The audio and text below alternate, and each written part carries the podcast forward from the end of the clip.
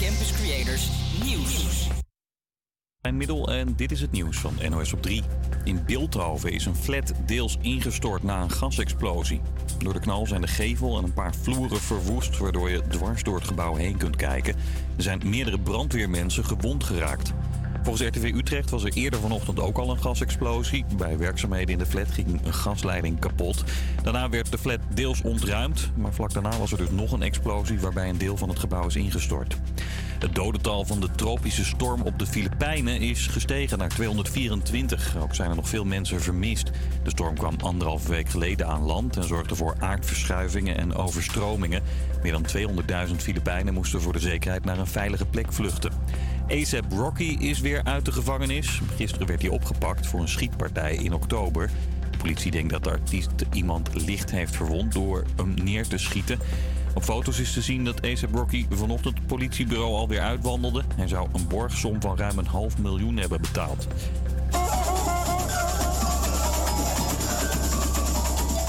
Feestelijke swinggeluiden uit Brazilië, want het carnaval is begonnen. Het feest kon de afgelopen jaren vanwege corona helemaal niet doorgaan. En dit jaar moest het festijn worden verplaatst van februari naar april. En daarom voelt dit extra lekker, zegt deze danseres. É como se fosse a primeira vez. Novamente, depois de tantos anos. Ja, het voelt alsof het de eerste keer is na zoveel jaar, zegt ze. Het carnaval duurt tot 30 april. En ze hebben er ook nog eens heerlijk weer bij. Veel zon en een graad of 26 daar in Rio. Hier in Nederland ook lekker zonnig. In het oosten wat meer wolken. 15 graden in Friesland en 18 in Limburg. Het is weer donderdagmiddag en dat betekent dat het weer tijd is voor de Outsiders. Leuk dat je luistert. Mijn naam is Rico en vandaag hebben we weer een aantal leuke items op de planning staan. Zoals de Dit Was Het Nieuwsquiz. En we gaan straks meteen bellen met Josin over het initiatief Bakkie in de Wijk. Voordat we daaraan gaan beginnen gaan we nu eerst nog even luisteren naar L'Enfer.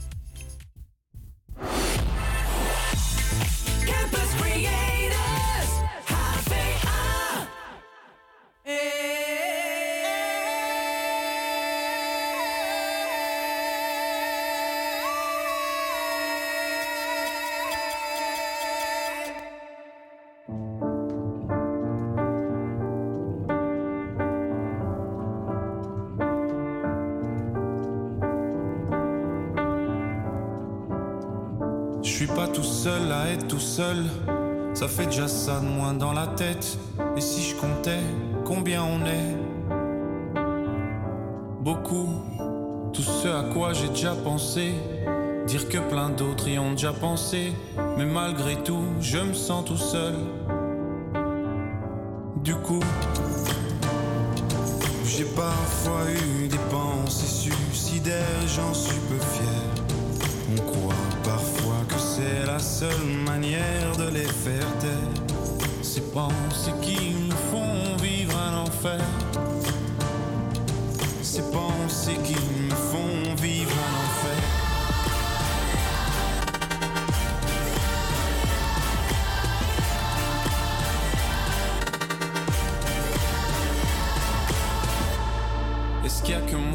télé et la chaîne culpabilité Mais faut bien changer les idées. Pas trop quand même, sinon ça repart vite dans la tête. Et c'est trop tard pour que ça s'arrête. C'est là que j'aimerais tout oublier. Du coup, j'ai parfois eu des pensées suicidaires et j'en suis peu fier. La seule manière de les faire taire. Ces pensées qui me font vivre un enfer. Ces pensées qui me font vivre un enfer.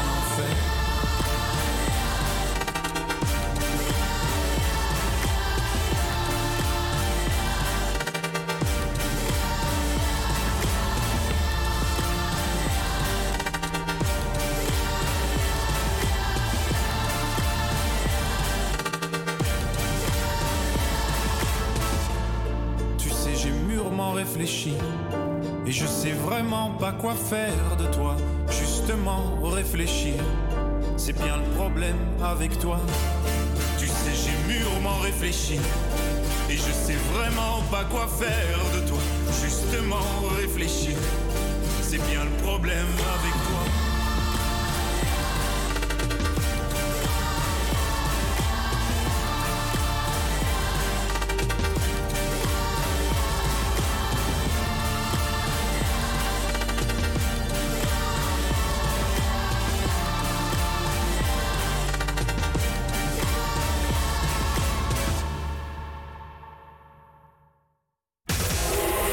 Studenten. Door studenten. Door studenten. Door studenten.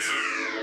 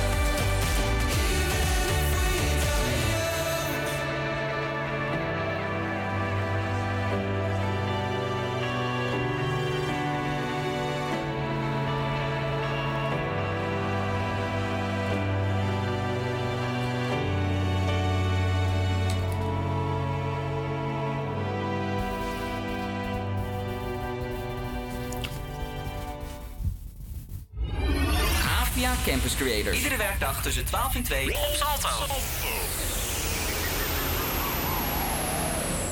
Beter een goede buur dan een verre vriend. Ik denk dat iedereen dit gezegde wel kent. En in Amsterdam Noord gaat dit gezegde zeker op.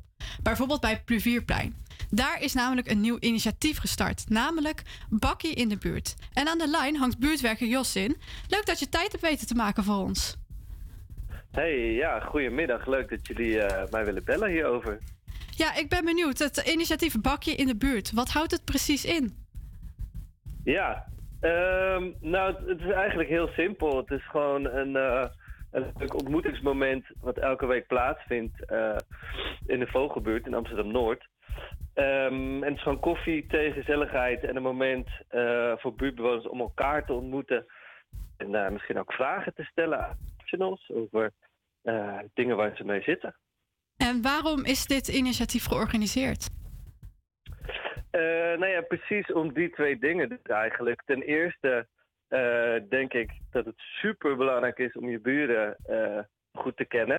Ik geloof dat ik heb laatst gelezen dat, dat uit onderzoek is gebleken dat het, de grootste factor gevoel van veiligheid is het kennen van je buren. Dus dat zeg maar al hoe belangrijk dat is. Ehm, en daarnaast is het een, een mooi eh, laagdrempelige manier om eh, bijvoorbeeld iemand eh, te spreken die iets weet over belastingteruggave of nou, iets anders. Ja, dus eigenlijk is het echt om contacten te leggen, als ik het goed begrijp. Ja, ja daar, dat is wel het belangrijkste, ja. ja. En wat voor leeftijd komt er een beetje op af? Zijn het jongeren, ouderen? Hoe moet ik dat voor me zien? Nou ja, we hebben het één keer eerder gedaan daar op het eh, Plevierplein. En we hebben het al een langere tijd gedaan ook eh, op het Zwanenplein, ergens anders in de Vogelbuurt. En daar komen ja, toch wel wat, zeg maar, van middelbaar, zeg maar 40 plus en ouder op af. Eh, jongeren nog niet zo heel erg, nee. Die, eh, die komen er niet zoveel op af. En zou dat nog iets zijn misschien voor de toekomst om meer jongeren te trekken? Ja, nou ja, zeker. Ik ben zelf geen jongerenwerker. Dat is echt wel een vak apart, denk ik. Ehm, ja, ik, ik zou het heel leuk vinden, maar ik denk dat jongeren toch andere dingen leuk vinden dan, eh, dan oudere mensen. Maar het zou nog eh, leuk zijn om na te denken hoe je dat toch kan combineren. Misschien iets voor de toekomst, inderdaad. Ja, en het is wel een beetje een ingewikkelde tijd, als ik eerlijk mag zijn. Ja, tussen vijf en zeven uur, als ik een bakkie ga doen bij iemand, is dat meestal rond een uurtje of acht. Waarom hebben jullie Ja. tussen vijf en zeven gekozen? Ehm, nou, we hebben eerst een beetje geïmplementeerd ook met andere tijden. En toen hebben we vanuit de buurt voornamelijk te horen gekregen... doe het om vijf uur. Want dan heb je mensen die net uit hun werk komen... nog niet begonnen zijn met eten koken... en dan nog eventjes naar buiten kunnen gaan om even een bakje te doen... voordat ze verder met hun avond gaan. Eh, dus dat was eigenlijk een beetje de motivatie. En vorige week eh, ja, vond de eerste editie plaats aan het Pluvierplein. En eh, vanavond is de tweede keer. Hoe is die eerste keer bevallen? Was het een grote opkomst? Eh, het was heel gezellig. Het, het was niet meteen stampensvol op het plein. Ehm, maar ik denk dat er een mannetje of twaalf waren. Het was, een, het was een eerste keer, hè. De eerste keer dat wij het deden op het Zwanenplein. Toen waren er misschien vier mensen. En zeg maar op het hoogtepunt van de zomer vorig jaar waren er denk ik wel eh 30, 30 mensen of zo. Dus eh, het is iets wat ook eh, langzaam moet groeien, denk ik. Dus er zit wel potentie in om het succesvol te maken. Ja, zeker. Dat denk ik wel. Ik, het is een, een heel hecht buurtje daar. Het heet de Vogelpunt, waar de plezierplein in zit. En mensen die, die hebben daar wel zin in gezelligheid. Dus dat komt me goed, denk ik. En dit is dan natuurlijk echt voor het Pluvierplein. En je hebt het net al over het Ja. Zwanenplein. Eh, ja, jij bent als buurtwerker, ben je daarmee bezig. Heb je tips Mhm. voor andere buurten om ook iets te organiseren? Ja, nou ja, ik zou vooral kijken eh, naar specifiek wat de mensen daar in die buurt graag doen. Het kan zijn dat het voor, een- voor een bepaalde buurt weer niet heel goed werkt, zo'n bakje in de wijk. Eh, dat ze behoefte hebben aan iets anders. Dus ik denk dat dat mijn tip zou zijn. Ga vooral praten met de mensen uit de buurt en vraag wat ze willen. Bijvoorbeeld hetzelfde als hoe wij op die tijd zijn gekomen. We hebben gewoon gevraagd, ja, wat vinden jullie nou leuk? Wat willen jullie nou graag? Dat zou ik ook eh, wel aanraden, denk ik, voor andere buurtwerkers of nou, professionals. Nou ja, ik hoop dat ze dan net hebben meegeluisterd tijdens dit interview. Ja, nou ja, dat hoop ik ook. En eh, heel veel plezier vanavond en gezelligheid. En ik hoop dat Ja, de dankjewel. opkomst een beetje groot is. Het weer zit in ieder geval lekker mee. Daarom, dus ik denk dat dat wel goed komt. Helemaal goed. Fijne dag nog. Jij ook. Oké, doei doei. Doei. En ja, iedere donderdag kun je dus een bakkie komen doen in de buurt tussen 5 en 7 uur. Om te zorgen dat je het niet vergeet, gaan we nu luisteren naar Make It a Memory van Cressip en Danny Vera. Hey, how are you? Did you see the news today? It's been getting crazy, but it's always been that way. Are you holding up? And do you turn off your TV?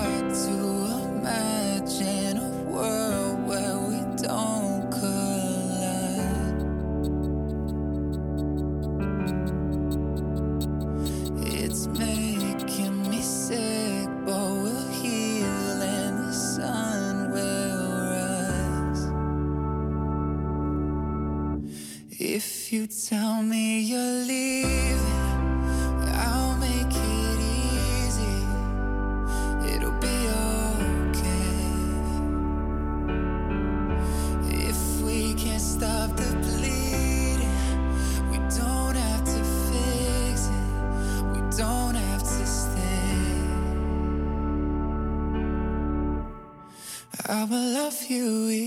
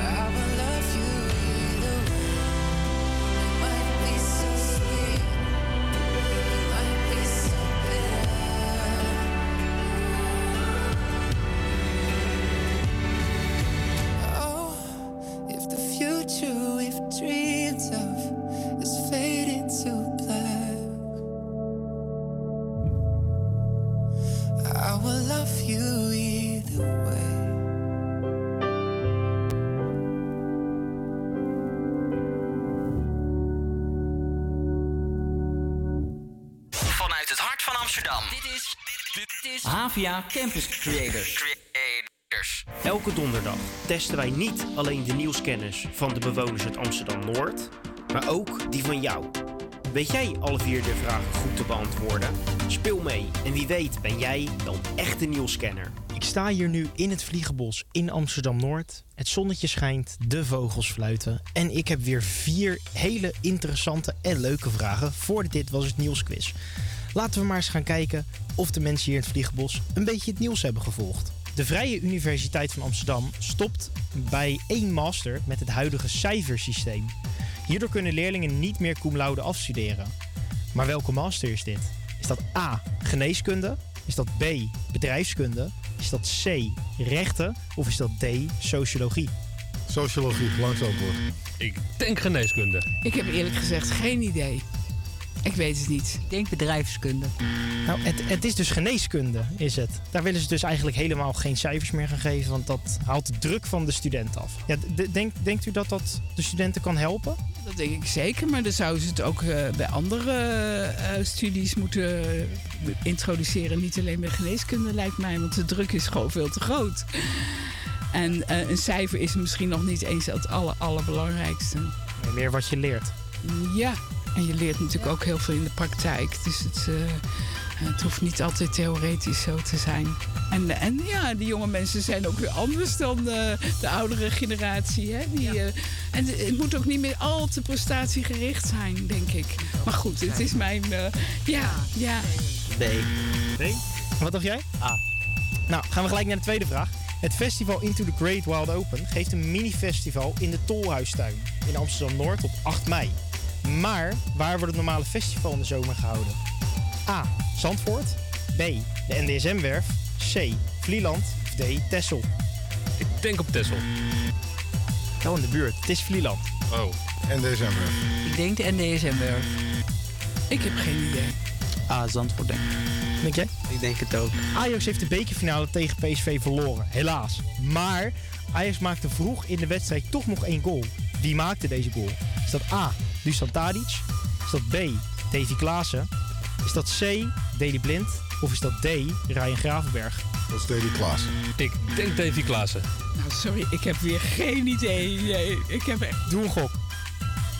nou, eh, blind. En nu? Laatste. Laatste? Gravenberg. Gravenberg, ja. Ik denk C. Denk jij? Ik denk D. D? Nou ja, het is goed. Het is Ryan Gravenberg. Het is helemaal goed. Ja, zeker. Heb je de wedstrijd gekeken? Nee, maar ik had wel de eh, uit, eh, hoe heet het? Eh, ja, het samenvatting wel gekeken. Oké, dan gaan we naar de allerlaatste vraag. Bezoekers van een attractiepark zaten één uur lang vast op 32 meter hoogte in een attractie. In welk attractiepark gebeurde dit? Is dat A, de Efteling? Is dat B, Walibi Holland? Is dat C, Slagharen? Of is dat D, Toverland? Slagharen. Heeft u het gelezen op het nieuws? Ik heb het gezien, ja. ja. Ik dacht Toverland. En wat denkt u? Eh, de tweede? eh, De tweede was Walibi. Walibi. Ik houd op Walibi. B. D. Dat was in Slagharen. Dat heb ik wel gezien. Zou, hoe zou u zelf reageren als u een lang op die, zo lang op die hoogte vast zat? Ik zou het niet leuk vinden. Maar eh, dan is het eh, dagje dus verziekt eigenlijk, om maar zo te zeggen. Het uh, pretparkdagje. Dan ben ik wel narig ja, de rest van de dag. Dan vind ik het wel mooi geweest, ja.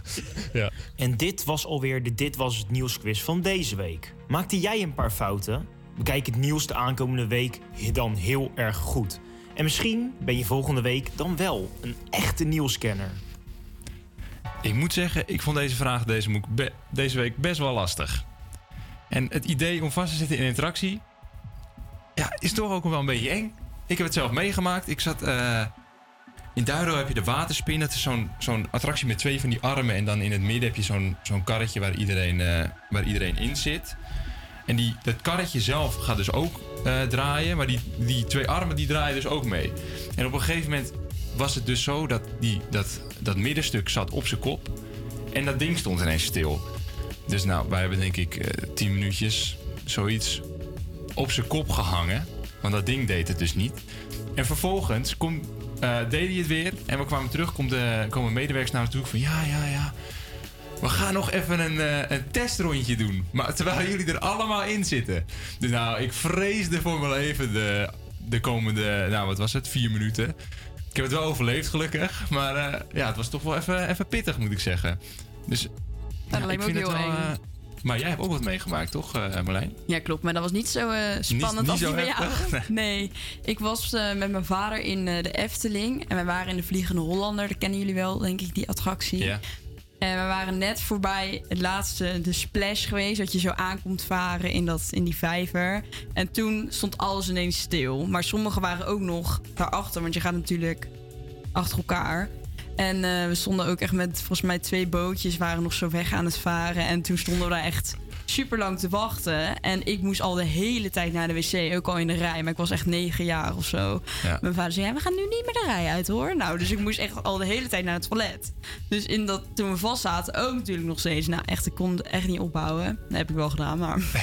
maar we stonden ook echt precies voor dat terras. Dus iedereen zat allemaal filmpjes te maken en zo. En eh, naar ons te kijken. Dus we waren een hele attractie in een attractie. attra- attractie vanzelf, ja, van zich. Dus uiteindelijk zijn we met van die bootjes eruit eh, gered en zijn we zo naar de kant gegaan. Ik denk dat we max misschien 20 minuten hebben vastgezeten of zo, of een half uur. Dat vind ik nog best lang. Ja. Ja, ik vond het ook lang. Maar het is niet zo lang als de mensen die boven in de attractie in Nee. Slagharen zaten. Dus, En op zijn kop. en op zijn kop. Dus we, zit- we komen er nog goed onderuit. En eh, ja, wij gaan nu verder naar Dua Lipa met Be The One.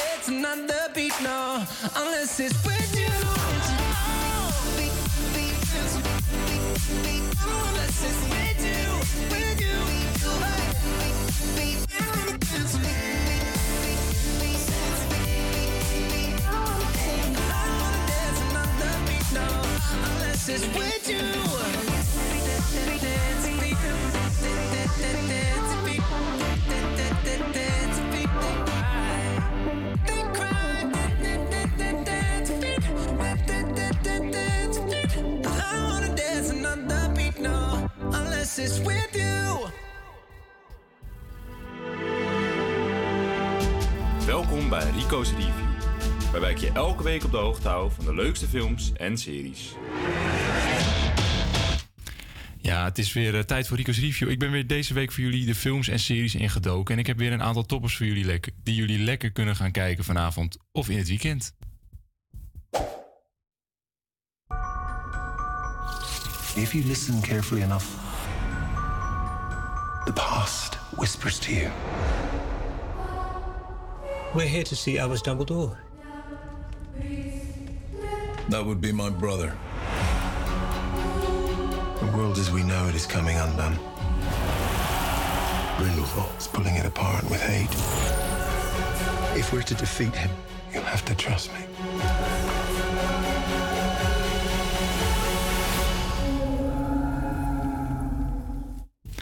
Ja, ik had het er twee weken geleden natuurlijk al over. Het derde deel van de Fantastic Beasts-series, genaamd The Secrets of Dumbledore, is nu te zien in de bioscoop.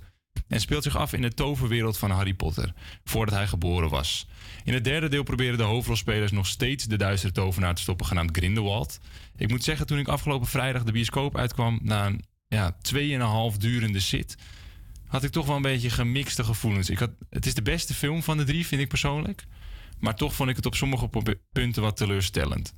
De film gaat over een episch verhaal tussen twee tovenaars die verbonden zijn door een soort bloedpact. En ze kunnen elkaar dus hier daar, of hierdoor niet eh, vermoorden. Maar op een ander moment staat ineens de hoofdrolspeler te dansen met een paar krabben. En dan denk ik toch wel van, ja, de, de balans is niet echt heel erg aanwezig. Dan, ja. En ik moet ook zeggen dat ik na deze film ook niet zeker wist of dit nou de laatste was. Want er blijft wel een groot gat in de verhaallijn. Maar toch had ik een beetje het gevoel alsof het een soort van happy ending was. Want iedereen was heel blij. En eh, ja, waarom weet ik eigenlijk niet. Maar over het algemeen heb ik best een leuke film gekeken. Het had van mij wel iets beter gekund. En daarom krijgt hij van mij een 6,5.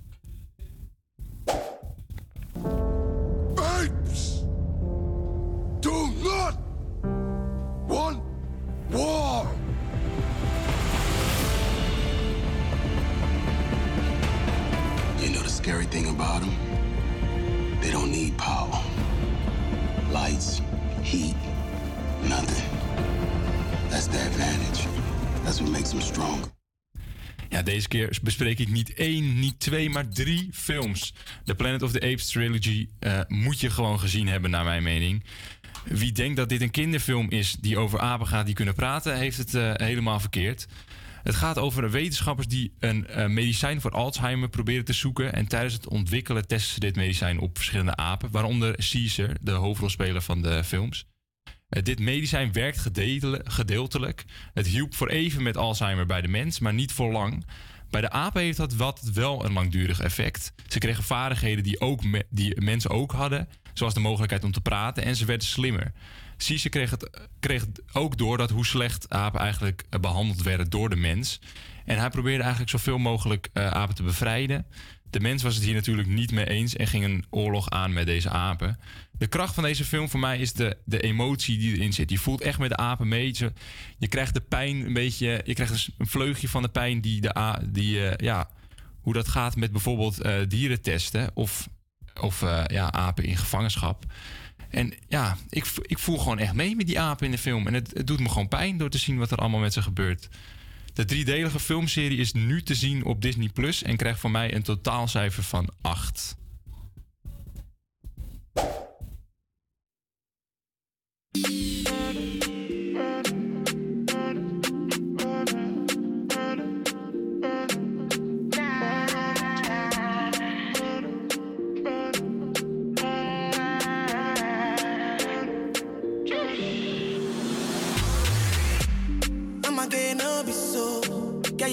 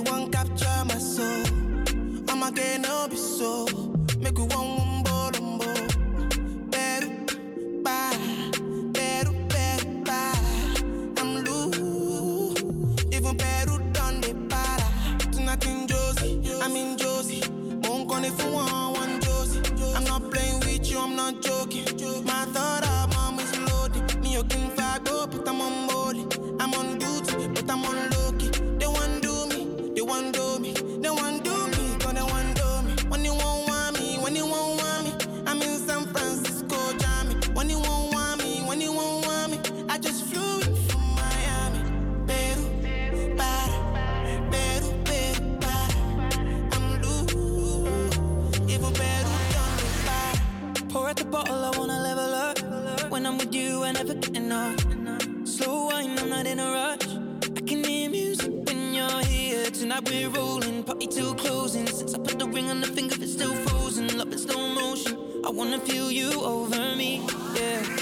Certain magic in your eyes, yeah.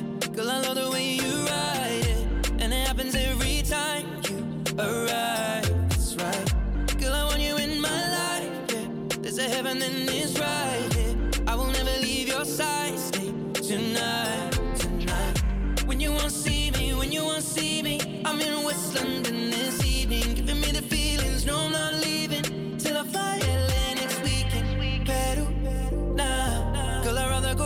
somewhere quiet. You glow, and I get lost here in your eyes. I'ma gain all be so. Girl, you just capture my soul. I'ma gain all be so. Make me wanna just take you home.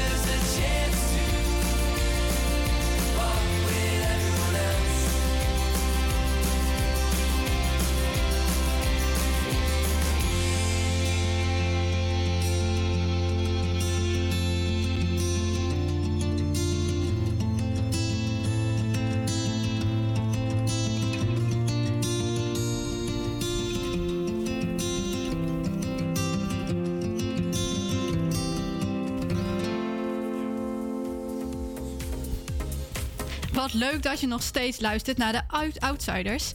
En ja, ja, lieve luisteraars, het is weer tijd voor de inhaakkalender.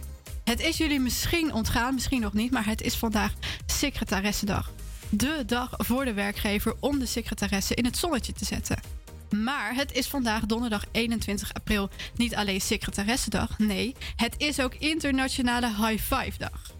En ja, we kennen hem allemaal wel, die, die high five. En als we eerlijk zijn, is het eigenlijk ook best wel een beetje gek soms. Samen met iemand sla je je handen tegen elkaar om succes te vieren.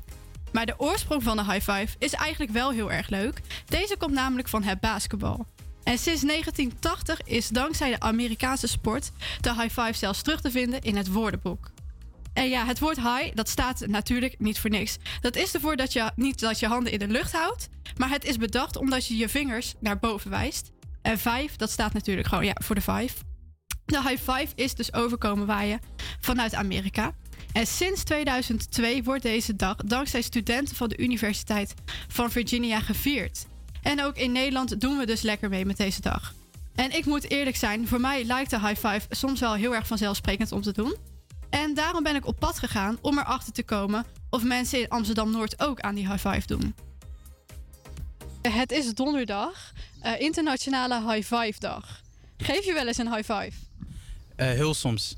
Bij, bij een voetbalwedstrijd of zo. Dan als we scoren of zo, dan wel. Maar niet zomaar als een, als een vriend een goed antwoord heeft eh, in de klas of zo, dat ik hem high five geef. Dan niet. Heel soms. Als iemand iets goed heeft, maar door corona is het niet meer. Dus. Nou, eigenlijk zelden. Maar een enkele keer wel. Ja, naar mijn werk. Zo van, we hebben goed gewerkt. En dan...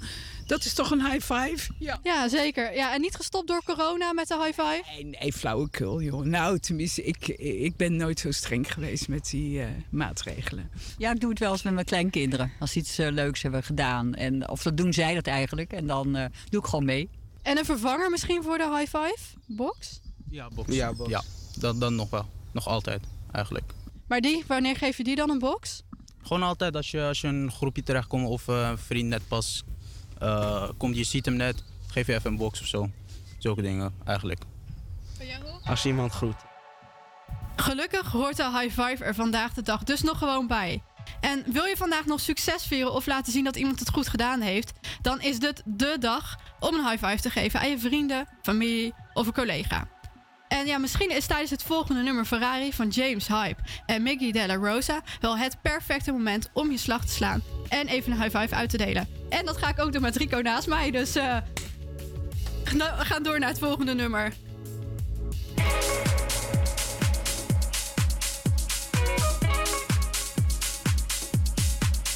Can I be honest? I still want your up on my body. You still make my heart beat fast. Ferrari with me in the wave, but in the morning. Do you still want me? Can I be honest?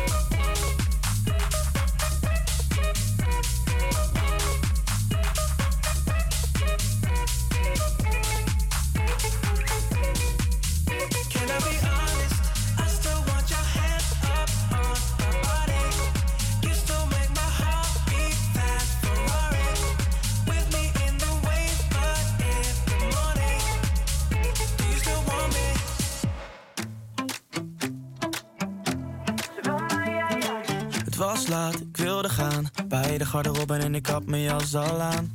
Ze zei wacht je nog heel even. En nog geen 15 seconden later heb ik van haar lippen in mijn nek een afdruk staan. Nee, zij is niet belegen.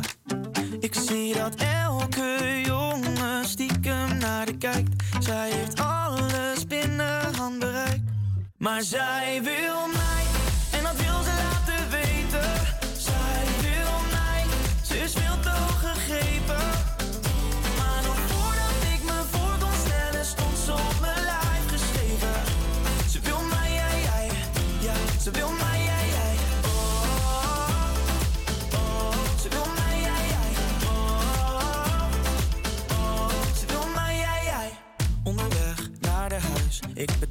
en haar schoenen zijn al uit. Want we kunnen niet meer wachten.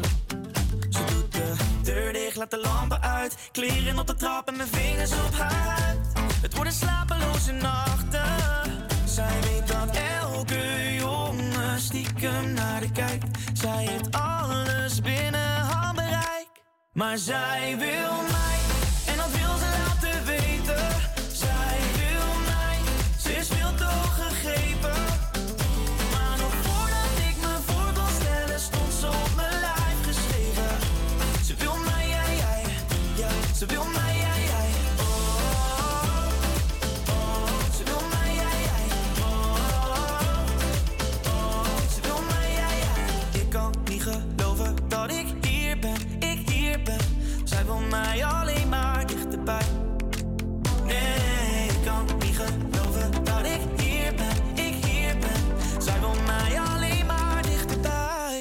Shine.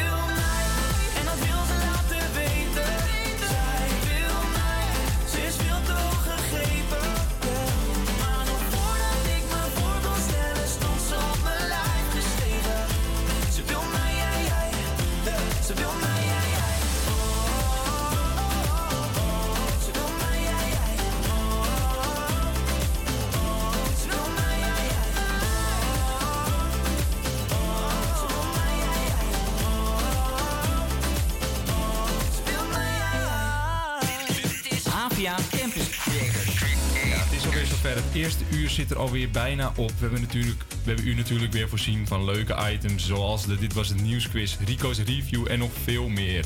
En het komende uur gaat u luisteren naar een reportage over Hellen's Food Market en een reportage over de Ramadan. En ja, Rico en Merlijn die nemen samen de presentatie op zich in het volgende uur. Wij gaan wisselen terwijl u lekker gaat luisteren naar Love Myself van Rondi.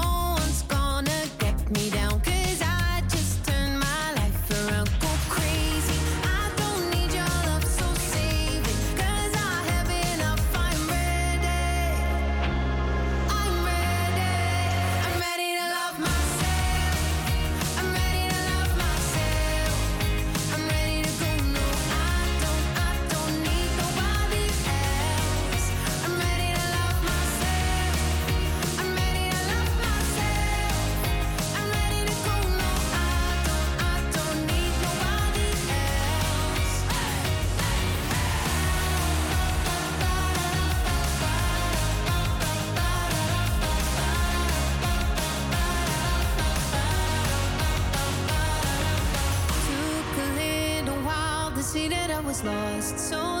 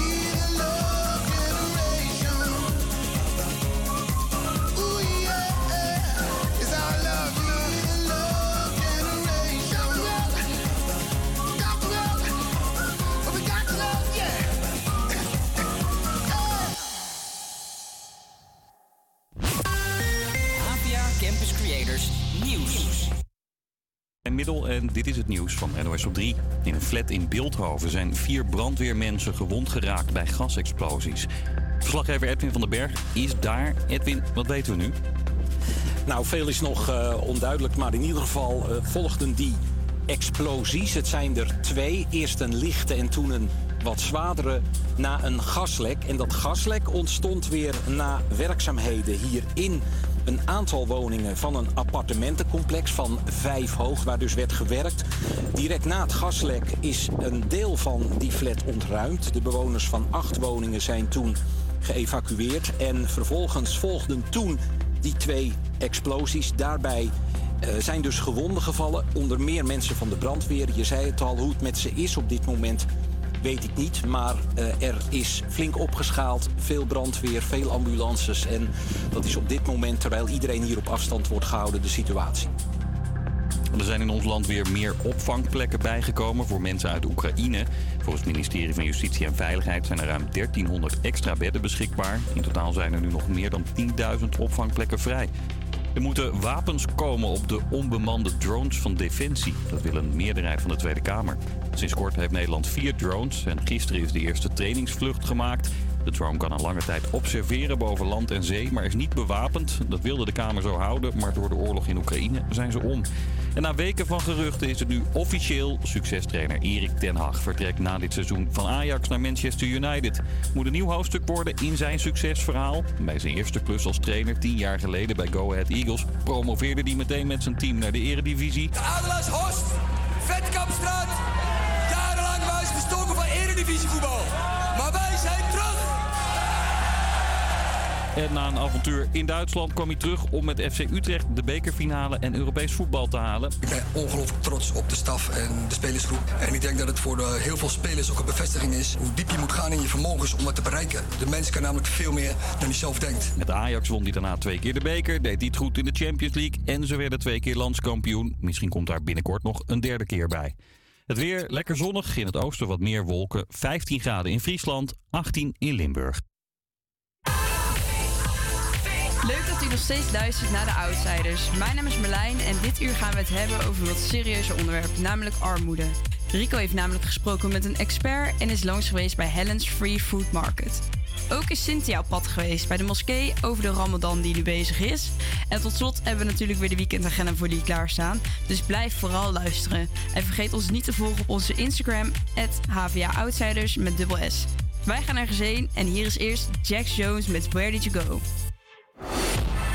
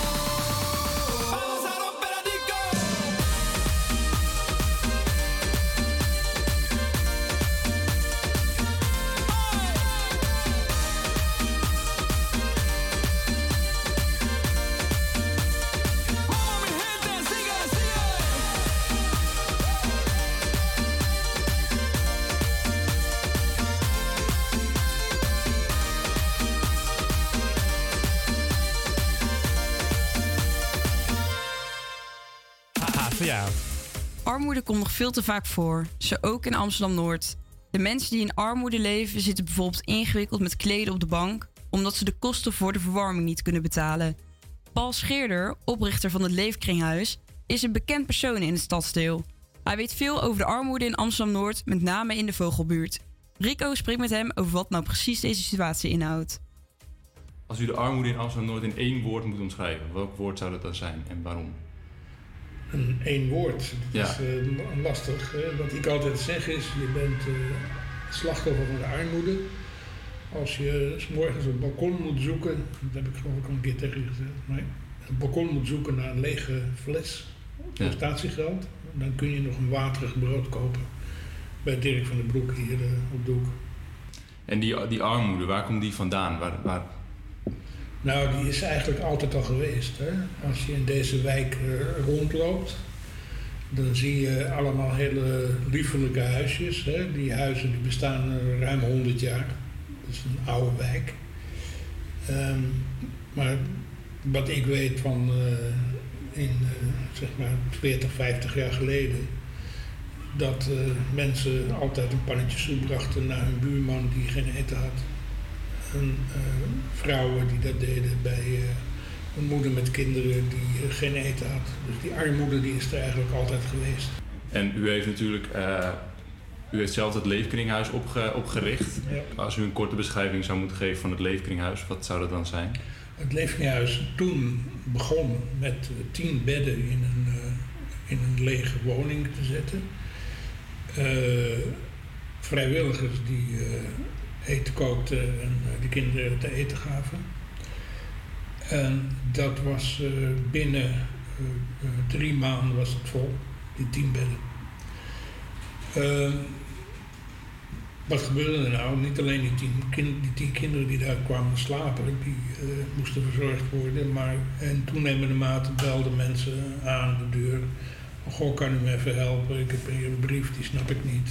Eh, ik heb ruzie met mijn man, ik eh, weet niet waar ik naartoe moet, waar ik moet slapen, enzovoort. Nou, zo kwam dat in beweging. En om een lang verhaal kort te maken naar nu. Nu is het niet meer zo dat er één huis is met tien bedden, maar er zijn elf huizen in de buurt eh, met 32 bedden. Per huis? Nee, Of oh, in- alles bij elkaar. Het zijn Ja. woningen, hè? Dus Ja, ja, precies. Eh, er waar eh, moeders en of kinderen kunnen verblijven. En eh, u doet natuurlijk zelf veel om de armoede te verminderen, of tenminste niet te verminderen, maar de, de mensen in armoede te, te steunen. Ja. Wordt er vanuit de buurt zelf, wordt er daar vanuit hun veel gedaan om de... Nou, je hebt nog steeds, en vooral dit is, dit is ook, de Vogelbuurt op zich is een eh, wijk met eh, moslims, veel moslims. En die hebben dat vooral, hè, die hebben dat van, al heb je zelf niet te eten, je buurman die gaat niet dood van de honger. Want je zal zorgen dat er eten komt. En dat is een, ja, dat doet men al, altijd al. Hè. Dat komt ook voort uit het geloof. Eh, Je bent verplicht om voor je medemens te zorgen ook.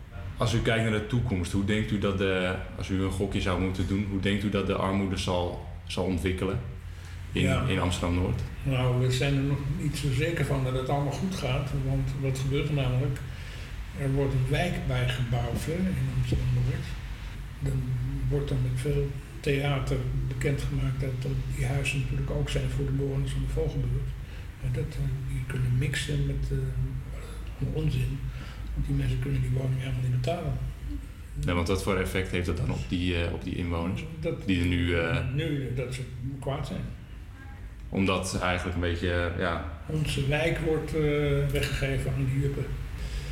Ja, het is nog niet zeker hoe dat zich ontwikkelt. De overheid doet wel eh hun uiterste best om het van de grond te krijgen. Er was eh, vorige week een lunch. De bewoners van de Vogelbuurt mochten daar komen lunchen. Ja, alleen om die mensen een beetje te paaien.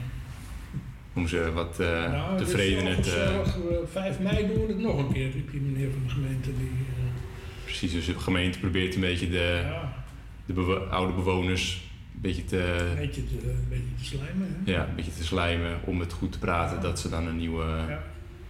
En de vergeten gemeente bewoners uit te nodigen bij een inspraakronde of zo. Dus er gebeuren dingen verkeerd. Hè? Dus de buurt voelt zich een beetje vergeten op sommige momenten. De buurt is heel kwaad over, ja.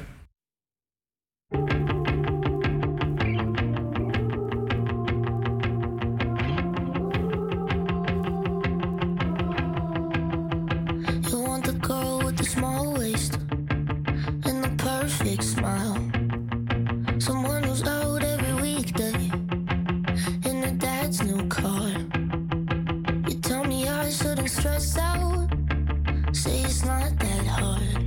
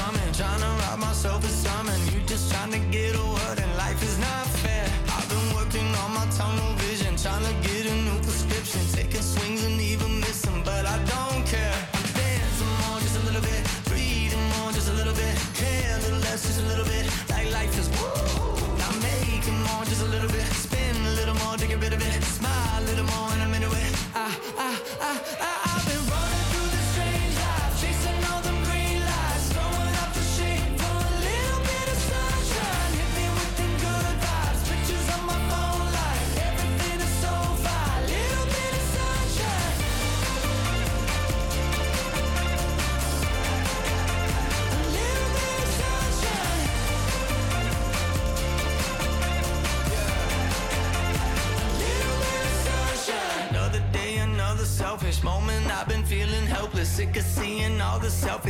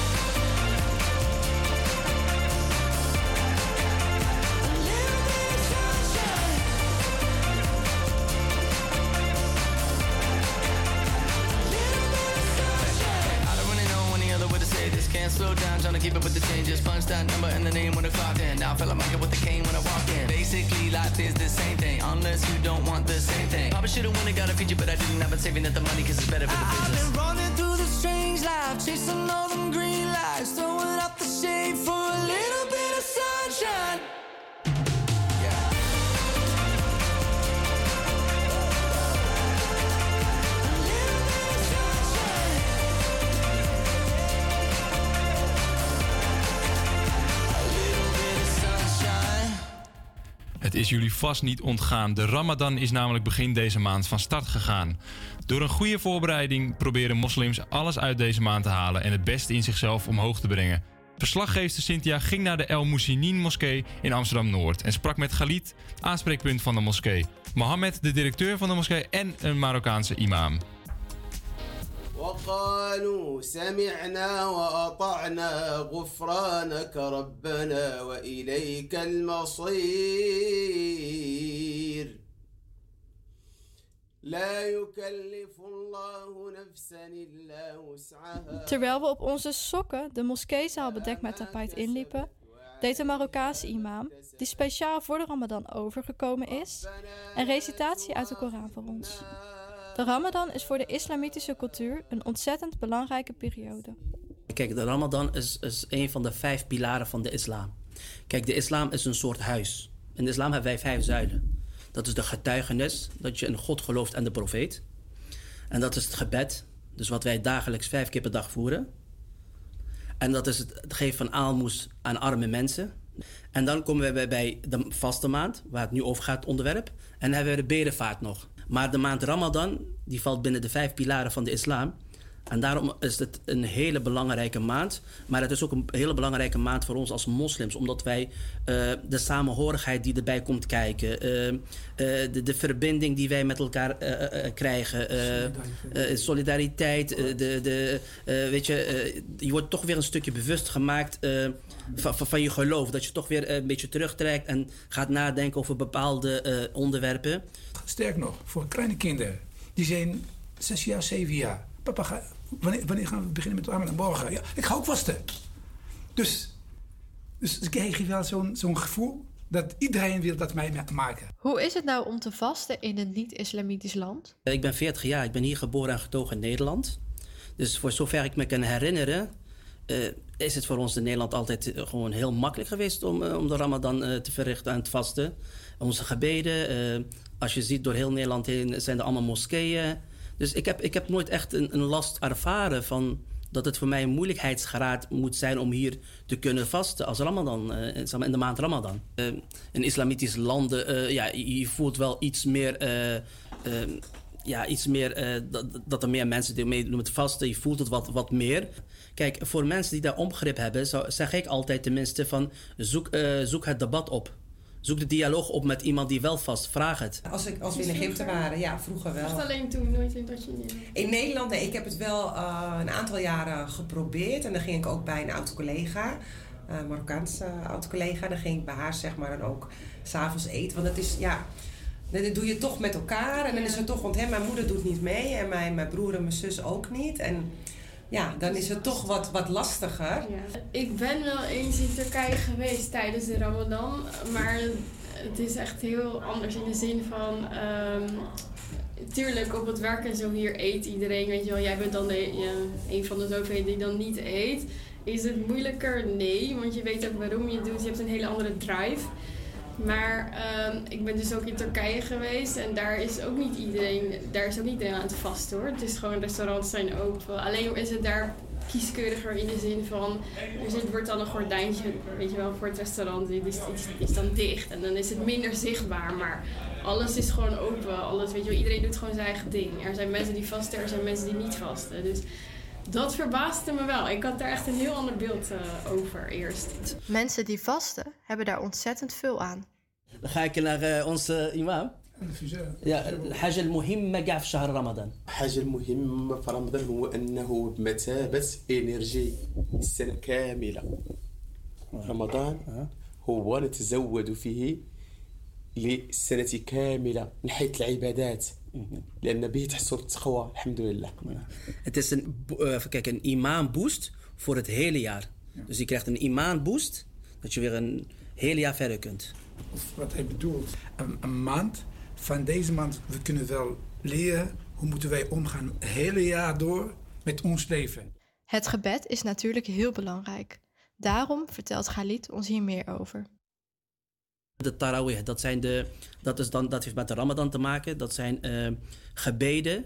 Dat zijn geen verplichte gebeden. Die noemen wij sunnah. Dat zijn gewoon vrijwillige gebeden. Maar die, staan, maar die krijgen een hele grote beloning voor. Dan hebben wij het adhan en de iqama. Adhan is het gebedsoproep.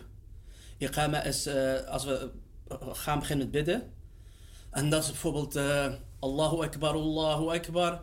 Ashhadu an la illallah. Onze voeten die doen wij dan tegen elkaar en schouders ook. Dan begint de imam bijvoorbeeld. In Afsarda. Allahu Akbar. Allahu Akbar. Ja. ja, dan gaan wij zo naar ons knie. Dat doen wij de record. En dan, ja, en dan zeggen wij ook daar een soort gebed op. Een soort smeekbeden eigenlijk. En dan komt de imam op en dan zeggen wij Rabbana wa laka alhamd. Dat is dat wij God danken, zeg maar. Ja, en dan gaan we hier naartoe. Allah dit- nu gaan we de sujud en noemen ze dat. Dus nu gaan we zeg maar, knielen voor God. En dit, dit is het moment. Dit is het moment waar je het dichtbijzijnde bij God bent om je spreekbeden aan te vragen. En dan, de- als je zegt Assalamu alaikum wa rahmatullah, Assalamu alaikum wa rahmatullah, dan heb je het gebed afgesloten.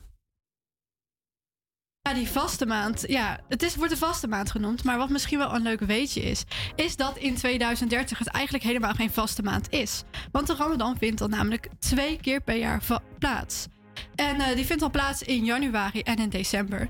Dus ja, dat is een leuk weetje. Dus dat wordt denk ik extra zwaar dan.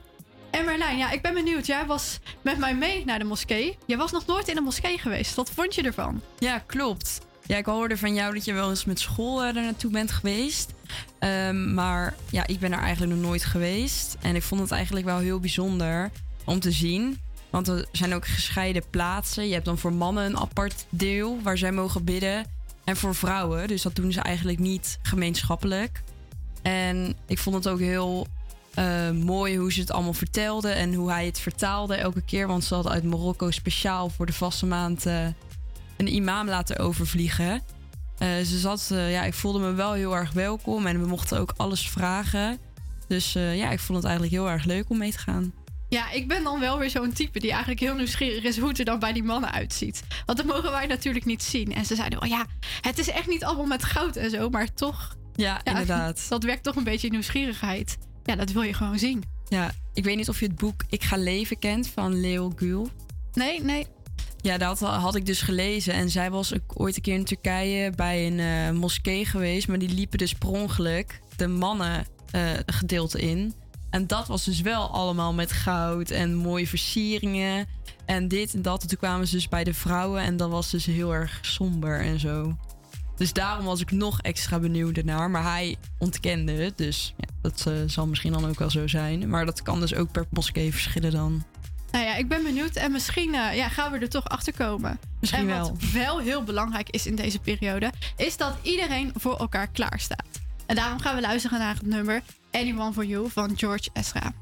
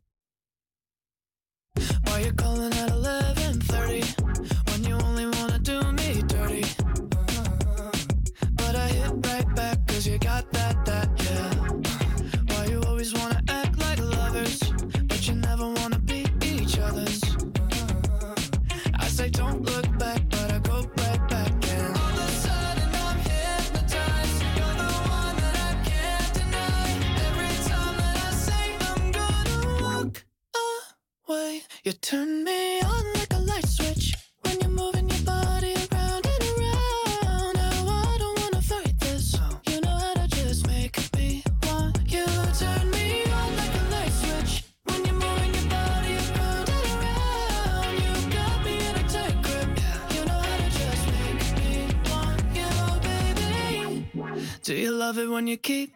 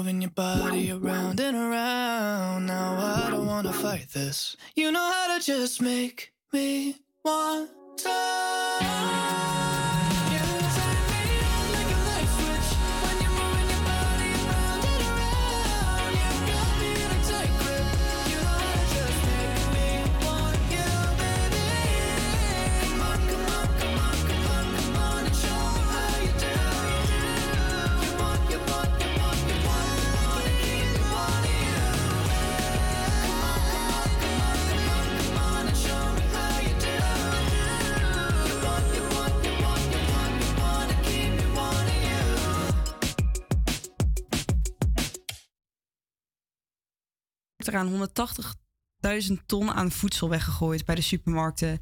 Dit voedsel kan vaak nog prima gegeten worden. Helen's Free Food Market doet hier wat aan. Zij zamelen het, eh, het overgebleven eten in en geven dit aan de mensen die het goed kunnen gebruiken. Onze verslaggever Rico Goosen is op bezoek gegaan bij Helen's Free Food Market om de sfeer te proeven. Van Harmelen, dat is mijn naam. Even kijken. Ja, volgende week zelfde tijd? Ja, zeker. Oké. Helemaal goed, leuk dat je er bent. We beginnen rechts. Ik ben nu op locatie bij Helen's Free Food Market. En ik moet zeggen, de, de locatie doet me een beetje denken aan een soort van, soort van kinderboerderij. En als we binnenkomen, dan heb je aan de rechterkant heb je, eh, allemaal stoelen opgestapeld naast elkaar. Ik denk dat die normaal gesproken in de zaal staan. Maar nu aan de linkerkant zie je dan een hele grote tafel met erop allemaal kratten met groente fruit erin. De vrijwilligers zijn druk bezig met het eh, voorbereiden, want ja, het gaat bijna beginnen. En ik zie inderdaad al die kratten, maar ja, wat zit er eigenlijk in?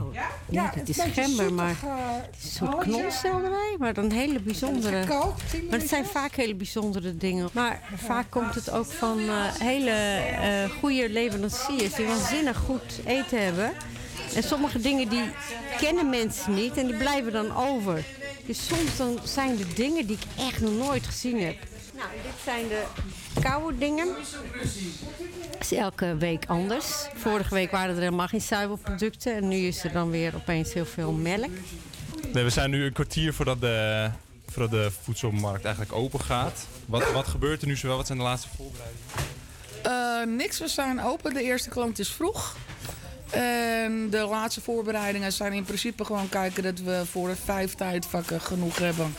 Eh, het, het kan soms heel chaotisch zijn, omdat het eh in een eh, er is iemand ziek en we konden pas later naar binnen. En dat is er meer en dat is er minder. Dus ja, dan is het gewoon even iedere keer anders. En dan heb je mensen die vroeg zijn en mensen die laat zijn. En, en dan halen ze een boodschap en dan einde gaan wij kijken wat er bij ons over is. Dat het naar een ander goed doel kan. En zou u misschien kort kunnen uitleggen wat jullie hier precies doen? Wij eh, verzamelen het, we sorteren het en dan zetten we het klaar. En hebben we een eh, klantenlijst eh, van mensen van allerlei pluimage. Het, het is oorspronkelijk bedoeld om voedselverspilling tegen te gaan. We bedienen voornamelijk de mindere portemonnees, zeg maar. Maar dat kan ook zijn met, met statushouders of mensen die buiten de boot vallen. Nou, u, eh, u komt hier, neem ik aan, boodschappen doen. Ja. Eh, wat, wat is de reden daarvoor dat u hier eh, uw boodschappen doet? Ja, anders reed je het niet de hele maand. Alles wordt zo duur. En dus u, wordt, u wordt echt heel erg geholpen door, door initiatieven zoals dit. Zoals een eh, Ja. voedsel. Echt wel. Ja, en dan ik niet alleen, maar nog veel, veel meer hier ook. En u komt hier wekelijks terug? Ja, elke week. En dan gewoon voor de. Want wat heeft, wat, zo- wat heeft u zowel vandaag mee, eh, meegenomen? Eh koolraap, sla, eh, Mexicaanse mix, melk, eh sinaasappeltjes, gember. Eh, ik weet niet eens meer eigenlijk. Een worstje. Ik zie rookworst inderdaad. Andijvie, dus u gaat vast vanavond voor de andijvie-stampot. Nee, morgen. U heeft hier eh, boodschappen gehaald, zie je? Yes. Komt u hier eh, vaker? Ehm, nu wekelijks. En nu, ik was eerst een van de vrijwilligers en nu ben ik een van de klanten. Want eh gehandicapt, auw. want ik ben nu een beetje gehandicapt, dus nu ben ik een van de klanten. Dus sinds januari ben ik hier wekelijks. Ik ben arbeidsongeschikt en eh, als gevolg daarvan van een ja, modaal salaris naar 70% daarvan. En met de hogere prijzen merk je dat heel erg. En nu is het, oké, wat gaan we kiezen? Benzine vullen of, eh, of een A-product of een B-product? Ja, wat mij opviel tijdens deze, tijdens deze reportage was dat eigenlijk de klanten die daar aanwezig waren, waren heel erg open over hun situatie. Ik kreeg van tevoren had ik gesprek met, of eh, ja, had ik contact met, eh, met Helen. En die zei van ja, let op. eh, mensen die praten er liever niet over en hebben ze toch soms, van, soms een soort schaamtegevoel. Maar ik moet zeggen, toen ik daar was, had ik dat, dat gevoel eigenlijk totaal niet. Want iedereen begon als ik vroeg van, eh, kan, ik u even, kan ik u een vraag stellen? En eh, niemand deed er moeilijk over. En eh, ja, er kwamen echt wel, echt wel leuke verhalen uit. En ook gewoon best wel diepgaand over waarom ze in die situatie zijn beland. Ja, dus dat vond ik wel, ja, dat vond ik wel heel mooi. Vond jij dat ook, Cynthia? Ja, er hing ook een gezellige sfeer. er ik vond er- dat echt meevallen, ja. Zoals ik het al beschre- beschreef, ik vond het een beetje zo'n voetbalkantine gevoel. Ja, ik had meer zo'n schaamtegevoel verwacht. Dat mensen dan denken, oh nee hè. Ja. Maar het was juist heel gezellig allemaal onderling. En het was eigenlijk een soort theekransje. Ja, iedereen had het eh, lekker naar zijn zin. En wij ook. Wij vonden het ook eh, heel gezellig. En eh, ja, ze staan er in ieder geval niet alleen voor. Hier is Alan Walker met Alone.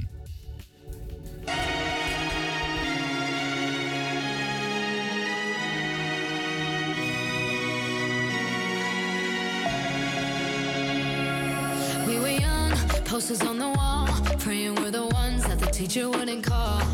We would stare at each other, cause we were always in trouble. And all the cool kids did their own thing.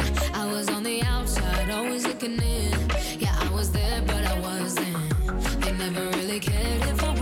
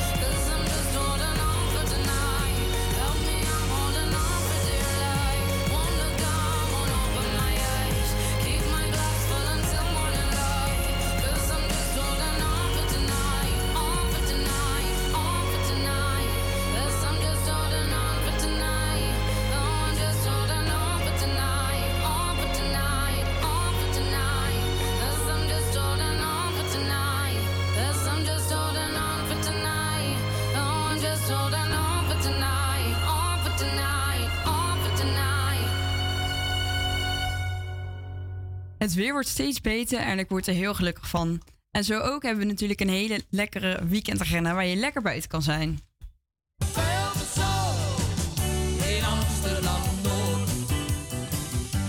Morgen vrijdag 22 april beginnen we met de Turning Tables bij Plek Amsterdam. Eh, hier kan je lekker luisteren naar DJ Marcelo met Umania. Eh, deze zorgen eigenlijk elke vrijdag en zaterdagavond voor het, de perfecte weekend vibes. Eh, hij heeft lekkere zomerse tunes waar je al lekker eh, in de zomervibe kan komen. Hier kan je eerst eten van eh 5 tot eh, 11 en dan kan je lekker luisteren naar hem met zijn verrassende 90s elektronische muziekscène sets. Maar ben je dan nog niet uitgedanst, dan kan je na 11 uur daar nog zeker aanschuiven.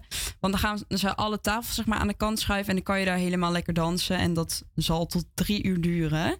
En eh, nu gaan we eigenlijk luisteren naar Pas de Français, eh, want dan komt 2 CV draaien.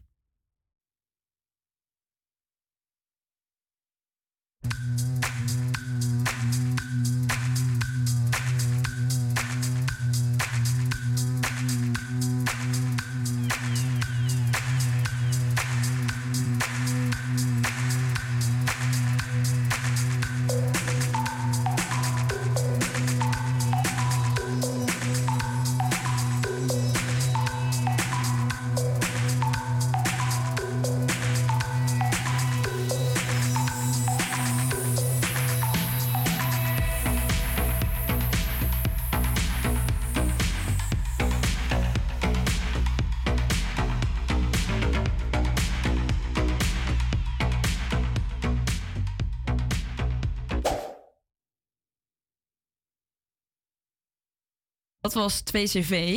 Dus ga zeker daar even langs. Entree is gratis. Zaterdag 23 april kan je langs bij de Stolhuistuin. Hier komen de Beds. En eh, zij hebben een debuut gemaakt met Future Me Hates Me uit 2018. En het zijn eigenlijk indie rockers. Eh, het is allemaal super indrukwekkend. Ze hebben scherpe, opgewekte liedjes, gevuld met energie en attitude. En ze hebben echt boeiende teksten. Eh, het zijn eigenlijk Nieuw-Zeelanders en ze maken fuzzy powerpop met leuke gitaarlijntjes. Dus ga hier zeker even naartoe. Eh, de deuren openen om half acht. Het begint om acht uur. Entree is 16 euro. En ook hebben we natuurlijk hier een mooi voorproefje van. Met Future Me Hates Me.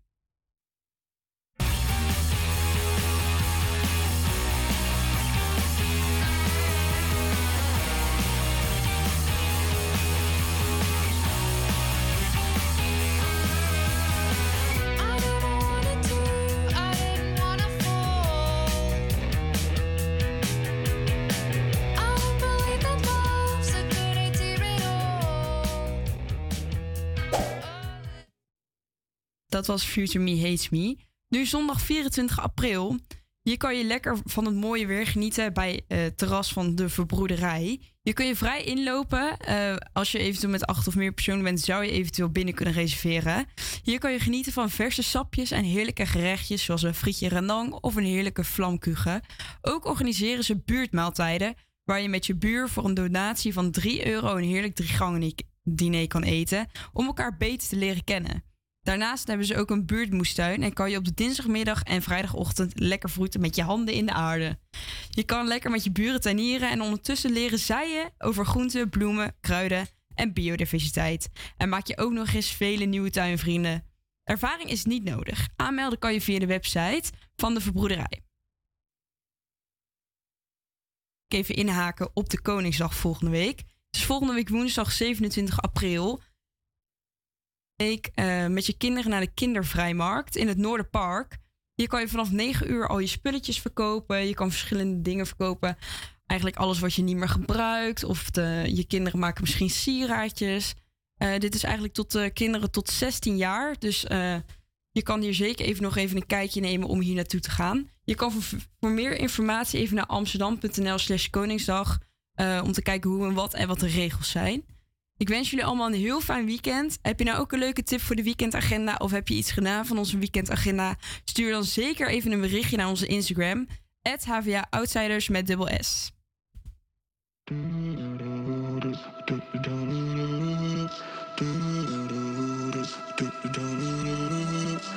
Me diamonds, cover me in gold. But nothing made my heart.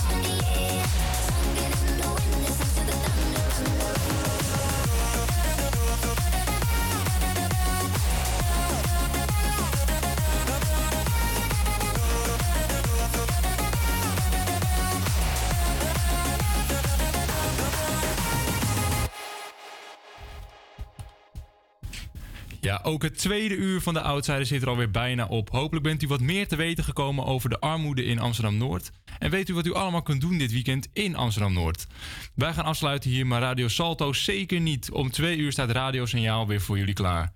We staan volgende week weer opnieuw voor jullie klaar. Hebben jullie een leuke Koningsdagverhaal die we kunnen bespreken in de uitzending? Stuur ons dan een berichtje op onze Instagram HVA Outsiders met dubbel S. Tot volgende week.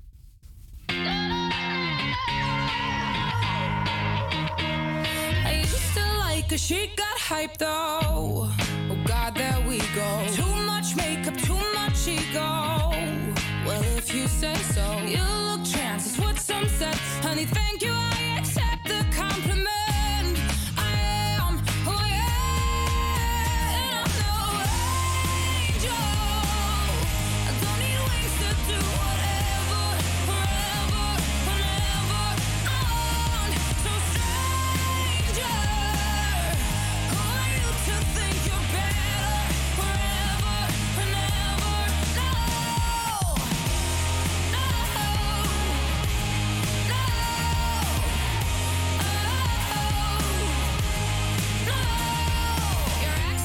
speak that you psycho. The vero is throw. You don't sing, you scream just so you know. Please don't follow. You look fat, it's what some said. Honey, thank you. I